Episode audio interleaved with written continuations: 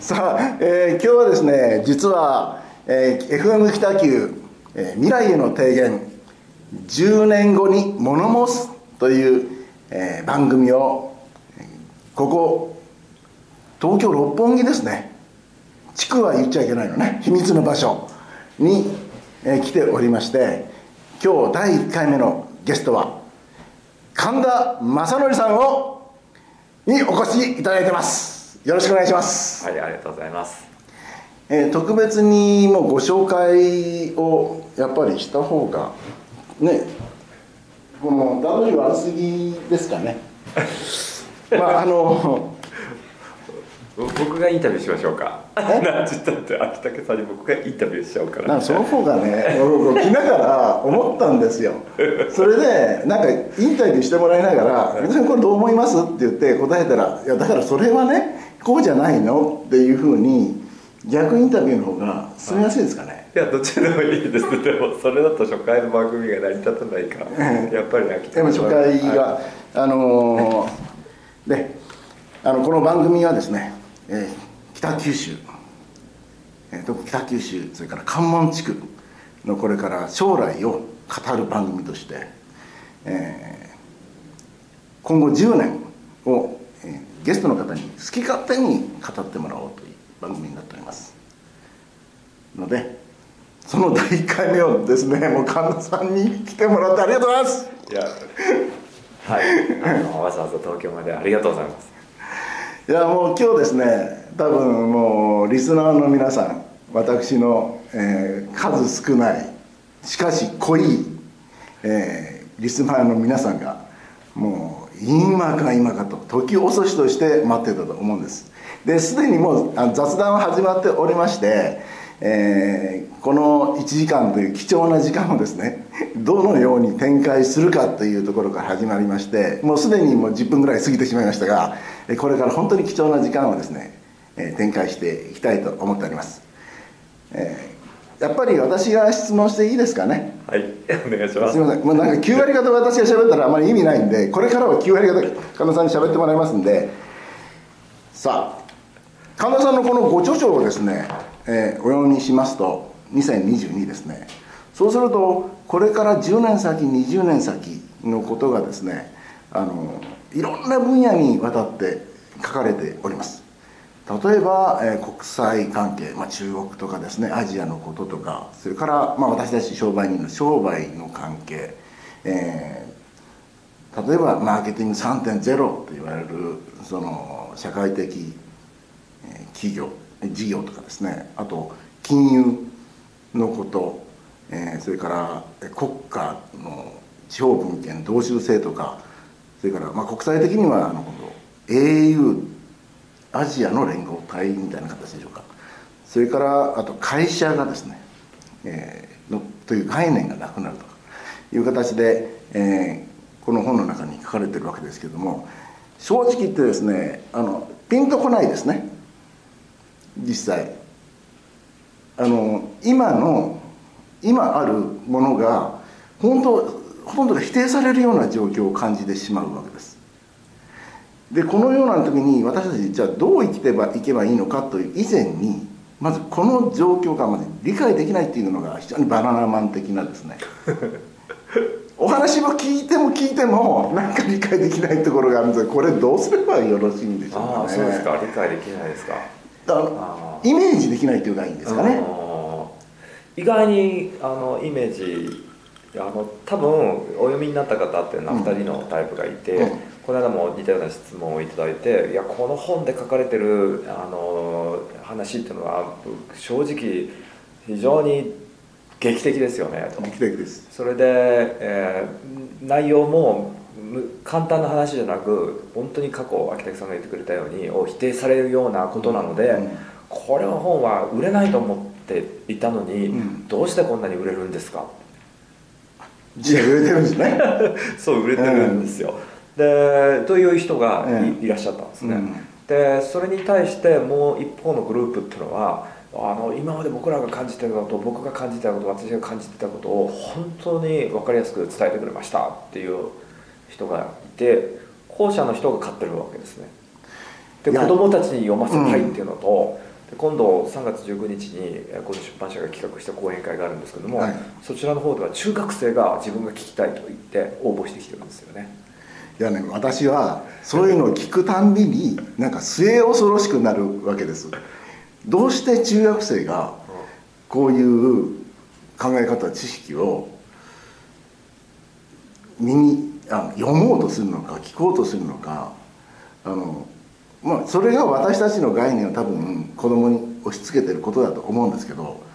私たちの中学時代っていうのをつい考えるじゃないですか。うん今そうじゃなくて中学生たちがすでにこのこの本に書かれている環境の劇的変化を、うん、いうんもう本当に現実のものとしてイメージできてるわけですよね。子供たちの方がイメージできてるかもしれないですね。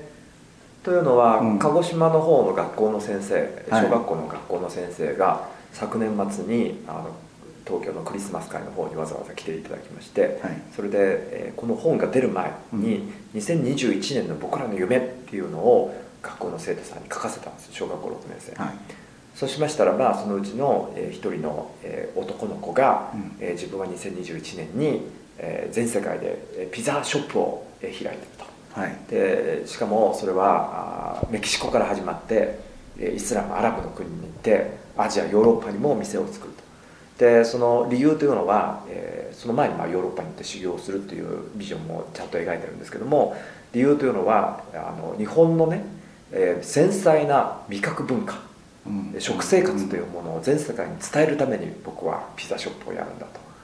いうことを明確に言ってるんです。小学校6年生。いやそれはちょっとすごすぎますね。あのすごいと僕は思ってたし学校の先生も、とにかく、えー、と興奮して「神田さんこれ見てください」いやいやいやいやあのー実際私たちが今商売してる人たちの中でええ。社長さんでそこまで明確なミッション。社会的にこの繊細な味覚を伝えるなんて、えーまあ、ピザ屋さんでそういうふうな、まあ、それが和食にしてもですよ。洋食にしても。そう料理の世界でこの日本人の繊細な味覚を伝えるなんていうミッションで動いてる人がいるかというと経営コンサルタントの方々はねミッション持ちましょうって言うんですね。でもそうそう作れないし実際身に染みてないですよね。それをその小あ中学生が小学校。小学校。小学校6年生です。怖い。小学6年生ですでその子は、あうん。の面白いことに中学に入ったら人間関係であの、うん。いろいろ問題があって、うん。それで学校に行きたくなくなるだとか、はい。それから、えーと高校卒業したら、えー就就職するんだけどそこでリストラされてえでそしてリストラされたのでヨーロッパの方に渡ってそこでピザの修行をしてそこで得た知識というものを、えーまずは中南米からっていうようなちゃんとその地域戦略まで考えてる。んで鹿児島なんですよ。でその学校の先生が興奮して言うにはね、うんはい。えークラス10名だと。うん。で10名中6人がですね10年後には日本にいないというふうに言い切ってるわけ。小学生が。それはね普通お父さんお母さんが、まあ、それだけやめてくれって言うでしょ。おそらくねで僕聞いたんですよ、公立の先生でいらっしゃいますんで、えあのその生徒さんたちの親御さんっていうのはあの国際派なんですかって聞いたらいやいや九州出たことない。ね 九州出たことないっていや本当九州出たことない人いっぱいいると思いますけど、え普通は頼むからあの近くにできればおってほしいしで、まあ、東京行くのは仕方がないとしてもうん。海外に住むなんてのだけはやめてくれなって。どこからそのアイディアが生まれてきたのか学校の先生も分からんって言うんですよ学校の先生もそういうことは教えてないでしょ？教えてないって言うんです。そもそも、えーアラブだとかイスラムだとか言ってないしそれから彼は何て言ったかそのピザ屋になりたいと言った彼は、えーミネタソに行きたい。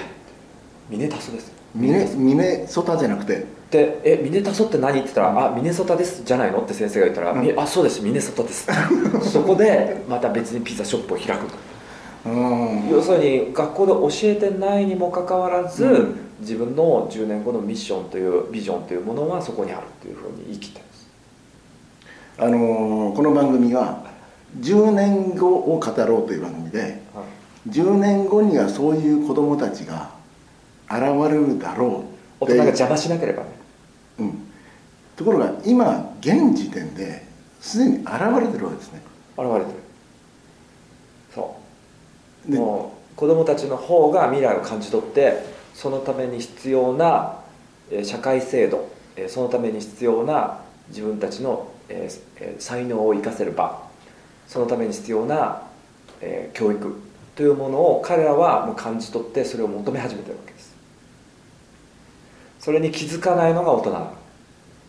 多分私気づいてない一人だと思うまあ、強烈に保守的保守派だと思いますけど 気づくの怖いっていう。いや保守派だったらこの番組やってないんで。いや少しでも少しでも保守派を、まあ、自分なりにこうこじ開けたいっていうことだとは思うんですけどでもそこまで望んでないっていうのも結構あったりして子供たちが10年後になったらみんな海外行くって言い出す可能性があるわけでしょ？そうそうそうでそれが僕は分からないのは、えーと、僕ら僕の認識ではやっぱり子どもたちと接したり、うん、やっぱり56年前からマインドマップっていう学校機関で使われやすいノートの記述法っていうものをイギリスから持ってきて日本に広めてるって活動があるんですけどもそれを通じて感じたのは、えーと、どちらかというと子どもたちは将来自分たちが活躍するために必要なスキルをもう分かっていて今の教育の中では与えられないのでそれを与えた途端それのきっかけを提供した途端子どもたちはすごい喜ぶんですよ。だからマインドマップっていうのはまさにそうで当時2007年の間に教育関係で公教育の中にそういったイギリスのツールいわゆるまあヨーロッパのツールが入ってくるなんていうのはとても考えられなかった、はい、いわゆる教育というのは極めて保守的なものであって、うん、その海外のツールなんてっていうのが常識だったんですけども今や教科書に載ってますからねマインドマップがですね、はい、で学校の先生方がもう数百人集まって、えー、実際に学校の現場の中で使い始めてるんですよ。で僕らが当初持ってった時に絶対これ教育教教育委員会とかに入ってくるのは無理だっていうふうに思っていたんですけど、うん、もう子供の方から飛びついてくるような感じ。でそのツールを使った子供たちの目の輝きが今までとは全く違うので学校の先生方が動員をせざるを得なくなったというような状況というのが僕は正確だと思います。多分ですねマインドマップを、えー、学校の現場に持って行った時に多分あのここのラジオを聴きの方マインドマップのことを知らない方もいらっしゃると思うんですけどあのその何と説明すればいいのかあのカラフルなねノートの、でイメージが非常に多いんですよ。だからイラストであるとか、うん、それからあるのが、えーと、脳細胞が外に向かってシナプスを広げていくように、もしくは木の枝が外に向かって広げていくように中心的な概念からあの連想を広げていくノートの記述法で。えー、記憶に対してとか記憶それから情報を整理するときに非常に使い勝手がいいんですよね。だ秋武さんのノートもねそれで書かれてますそうですね。あのマインドマップはなるべく使うようにしてるんですけどもあの本当にあのよく使われる方はあのカラフルであってそれからイラストがあったりしてですね、はい、でこれ最初に教育の現場に持ってったら多分この落書きみたいなことしてって言うて怒る先生多かったんじゃないかと思うんですね。うん実際にねそういうふうに見られてるんですけど、やっぱり教育者っていうのはすごく真剣に子どもたちのことを考えてますから、うん、やっぱりマッピングコンセプトっていうのはそれ以前からあったわけですよね。でそれはじゃあメインストリームではないけれども、うん、やっぱりその効果っていうのは学校の先生方皆さんお感じになっていらっしゃるわけですよ、なので実を言うと僕も、えーと、当初教育っていうのは極めてコンサバティブだと思ってたんですけども、実際には、えーと、コンサバティブではなくて非常に情熱的に教えてらっしゃる方の集団っていうのがやっぱあるんですね。でそういう方々は子どもの現場と接してるからこそどんなように子どもが、えー、学習すれば一番勉強に対して興味を持ってくれて意欲的に、えー、いわゆる自律的に内的な興味を持って勉強してくれるかっていうのを分かってるんですね。でそういう時にやっぱりマインドマップっていうツールがあると子どもたちが飛びついてきた、うん、でそういう体験から僕が思ったのは本当子供っていうのは自分たちが大人になった時に必要となるツールっていうのを十分知っていると、うん、潜在的にね。で今回のえーいわゆる10年後のビジョンを学校の先生が書かせてみた時に同じような印象を持ったらこいつら10年後の自分の在り方知ってるよって。嫌ですね いやあのいやすごすぎるんですよね。っていうか多分ですね私読み書きそろばんさえも勉強していた時に将来自分が生きるためのツールなんて感じたことなかったと思います。ただやるっていうテストがあったり教えられるからしてただけのことでいい点取るかどうかだったと思うんですね。でそこに自分の仮にこれが美術であったり音楽であったとしてもですね私には多分その感性はあんまりなくていかに点取るかっていうことをやってきたと思うんですね、まあどっちかというと秋武さんにしても僕にしても40代で、ね、後半であり、うん。その人類と今の人類は違った人類と思った方がいいです。え？だから僕らはもうどっちかというとあのネアンデールタル人に比較比較しましてその前の何何人っていうの言いま なんかそういう古いやつ？ネアンデールじゃなくてあのやっぱり人種が違う。人種が人間が違うだからもう進化した人間と旧来の人間がいて、うん。進化してるのはそういった面では10年後予測できる。でというふうに僕は思ってます。だからもう精神性が違う。魂のレベルが違う。だから僕らが彼らを判断したらダメ。いわゆる遅れた猿が人間を判断するようなもんだから。あの多分ですね私娘3人いるんですけど、はいはいあの多分私の延長で今家族の中であの過ごしてると思うんですけどあのやっぱ違うんですかね？えー、とおそらく違うと思います。でじゃあ彼らが、うん。えー、と家にいる時には親の手前、うん。えー旧来のねあの一生懸命べ勉強するっていうような概念で振る舞ってるけれども、ね。外に出て真摯に学校の先生が10年後何をやっているの？って聞いたら、おそらく鹿児島の小学生と変わらないような答えをすると思うんですよ。ただ親の手前子供のふりをしてるだけ、あらあらあら。これですよ。あの結構真面目であることにあ結構価値を感じてきた真面目で素直で、えーなんですか、えーあまり悪いことせずにっていうこう価値を感じてきて、えーやってるこの古風な私ですからそれはかなりあの辛いですね。ただ子供のことを考えれば僕も辛いけれども逆にですよ。そんなにもうすでにあの目標将来目標を決めてツールを手に入れてあるいはあの分かりやすい例でイチローのようにですね小学校の頃から作文書いて大リーガー目指してそれで一流になってっていうこうしっかり階段登っていったこう人たちがいる中で世間の一般がもう実はああいう人は特別なものじゃなくてもうすでにたくさんそういう人が現れてるわけで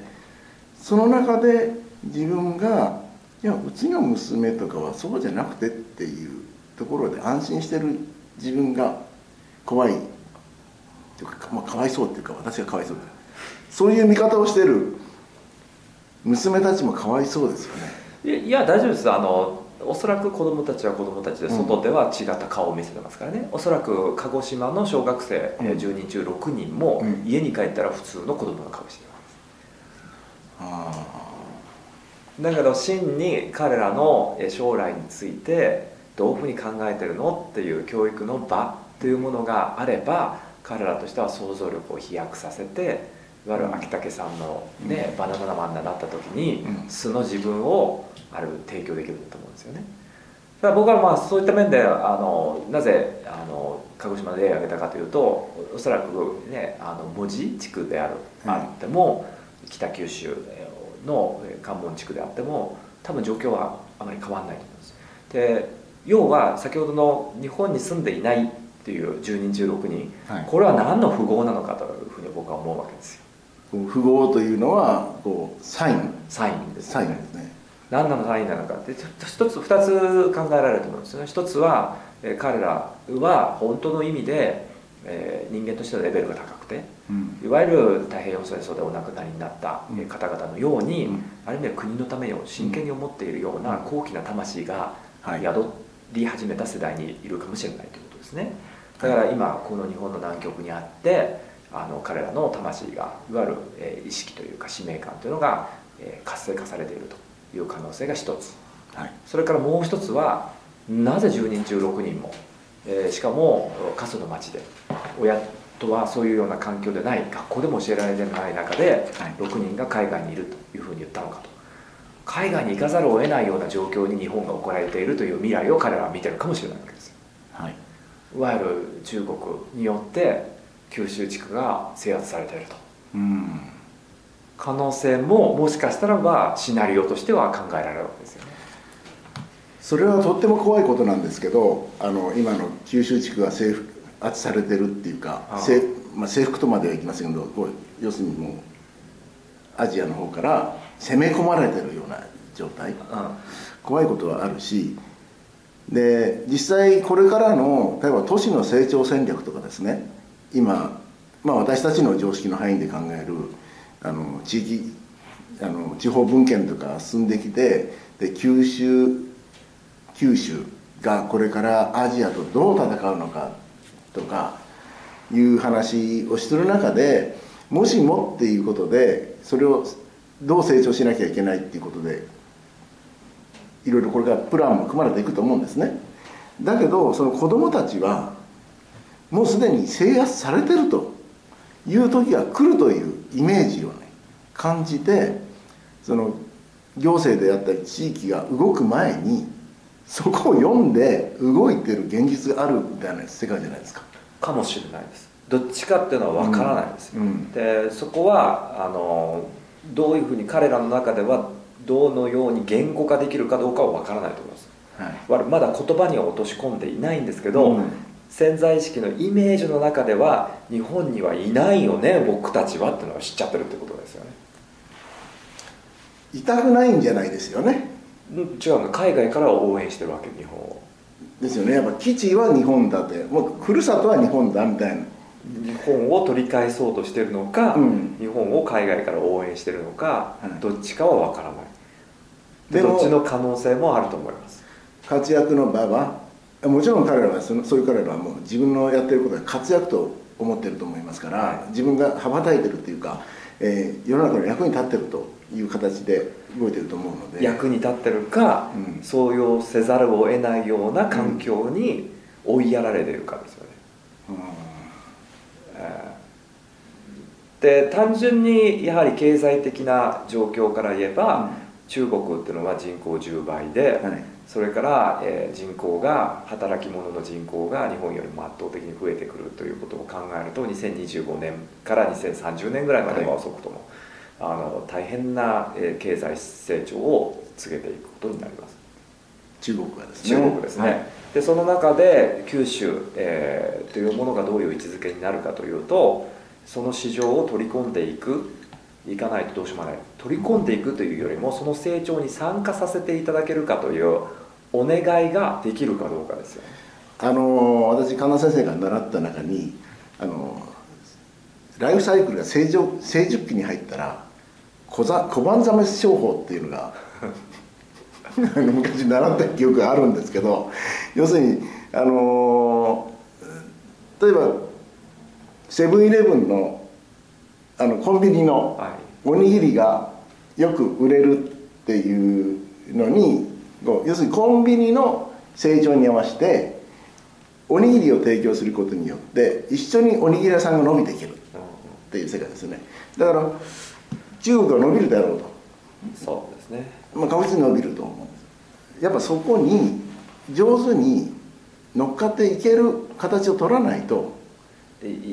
まあ分かりやすく言ってしまうとそうなんですが、えしかし乗っていくことによってええ。魂の部分は破壊されるわけです。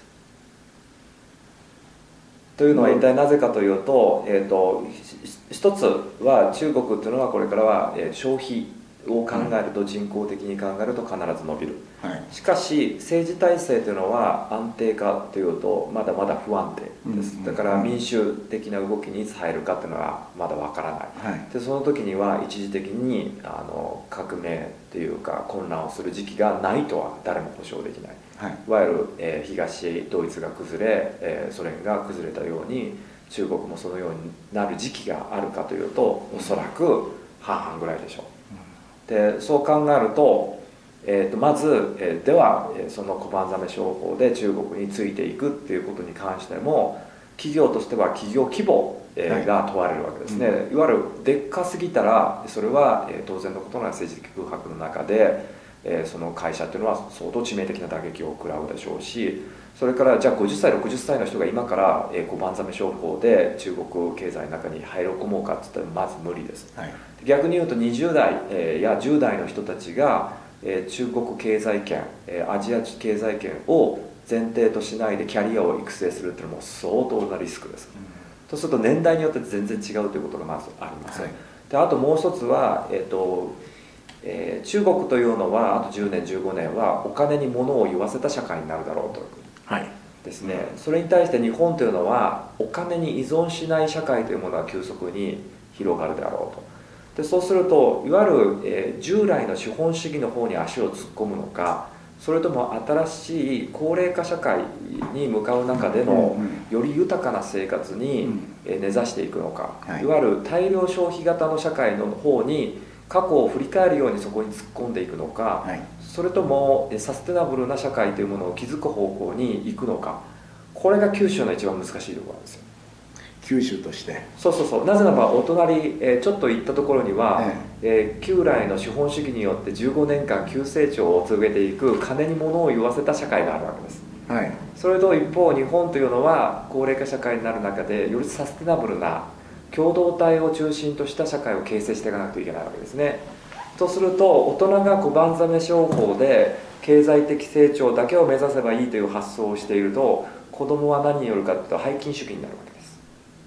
根本的に、はいはい、だから中国行って一攫千金でチャイニーズドリームを目指すわけです、うん。うん、ところがチャイニーズドリームも15年後には崩れるわけです、はい、そうした時にチャイニーズ崩れた後のチャイニーズドリームはどこに向かうかというと日本的な社会より共同体に根ざした社会を目指すわけですね。中国自体がですね。そうそう。だから大人がその辺を分かった上で、きちっとある意味では倫理観というものを人間としてどういうふうに生きるかというものを子供に伝えない限りは子供をぶらせるわけです。でそれがどれだけ重要かというと、えー、極端な話沖縄っていう県を考えてみた時にえー、沖縄というのは、えー、いわゆる、ね、鹿児島によって、えー、一旦占領され、はい、そしてその後、えー、いわゆる日本のために頑張ってきたんだけど、えー、太平洋戦争ではほぼねあの見捨てられ、うん、というような過去の問題があり沖縄はアメリカに占領されでそういう中でね日本国だというふうに思ってますが中国の戦略を考えて台湾とか香港とかを見てる限りにおいてはあの金の流れというものによって20年30年の単位では人の貴族意識が変わってくるわけですよ。貴族意識だはい。というのは例えばえ僕は李登輝閣下台湾の李登輝閣下にお会いした時にやっぱり極めてその中国共産党に関してはあの騙されまいぞというようなことで台湾独立運動というものの旗振り役として相当頑張っていらっしゃったわけですね、はい、でもう人間的にも素晴らしい方だしところがその後、えー、どうなるかというと今、えー、中国に行けば台湾の皆さんウェルカム状態ですよね。でお金が大量にもう中国経済圏なくしては台湾やっていけるかといったらそれはみんなこれは無理だろうということを分かっているわけですね、はい、そうした中でえーと、当初離島企画課の周りの方々が、えーと、審査をなめた白色革命の記憶というのが、どれだけ残っていくかというと極めて難しい、うん、とすると香港が次第に大陸に飲み込まれていたように台湾も飲み込まれかねないような状況になってきてる、はい、それはチベットも同じであってあれだけひどいあのことをやられながらではどうかというと現実的にじゃあチベットが独立できるかというと、うん、それについてもあの現実的に独立路線というのはダライ・ラマ法王自体も取ってないわけですね、はい、そうするとやっぱりマネーの動きというのは相当人の精神性に影響を与えることになります、うん、でこれから10年15年 中国の経済が伸びていった時に中国の戦略としては沖縄をまずはいろんなところにお金を落としていくっていう方向になります、はい、そうすると沖縄の領土自体が20年30年経った時にはもうすでに中国の教科書の中では沖縄は中国固有の領土があるという教えられてますから、はい、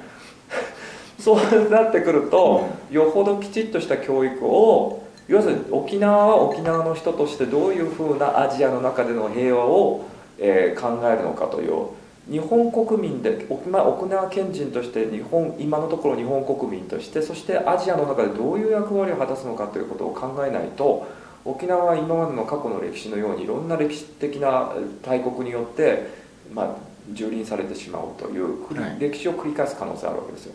であれはアジアのへそですからあそこを取られた場合にアメリカ軍も、まあね、日本もあの中国もやばいわけですから。うん。そうすると本来僕が考える沖縄というのは本当にスイスにおけるヨーロッパにおける中立機関であるスイスのような、はいはい。もしくはバチカン四国のようなうん。独立した地域としての、えー高いある意味ではあの品性というものを提供しアジアのバランサーとしてあの行くというような選択肢もあるんではないかというふうに思うんですよね。うん。でそういうような非常に長いタームで非常に長いって言っても10年20年の話ですから、はい。で考えるとあの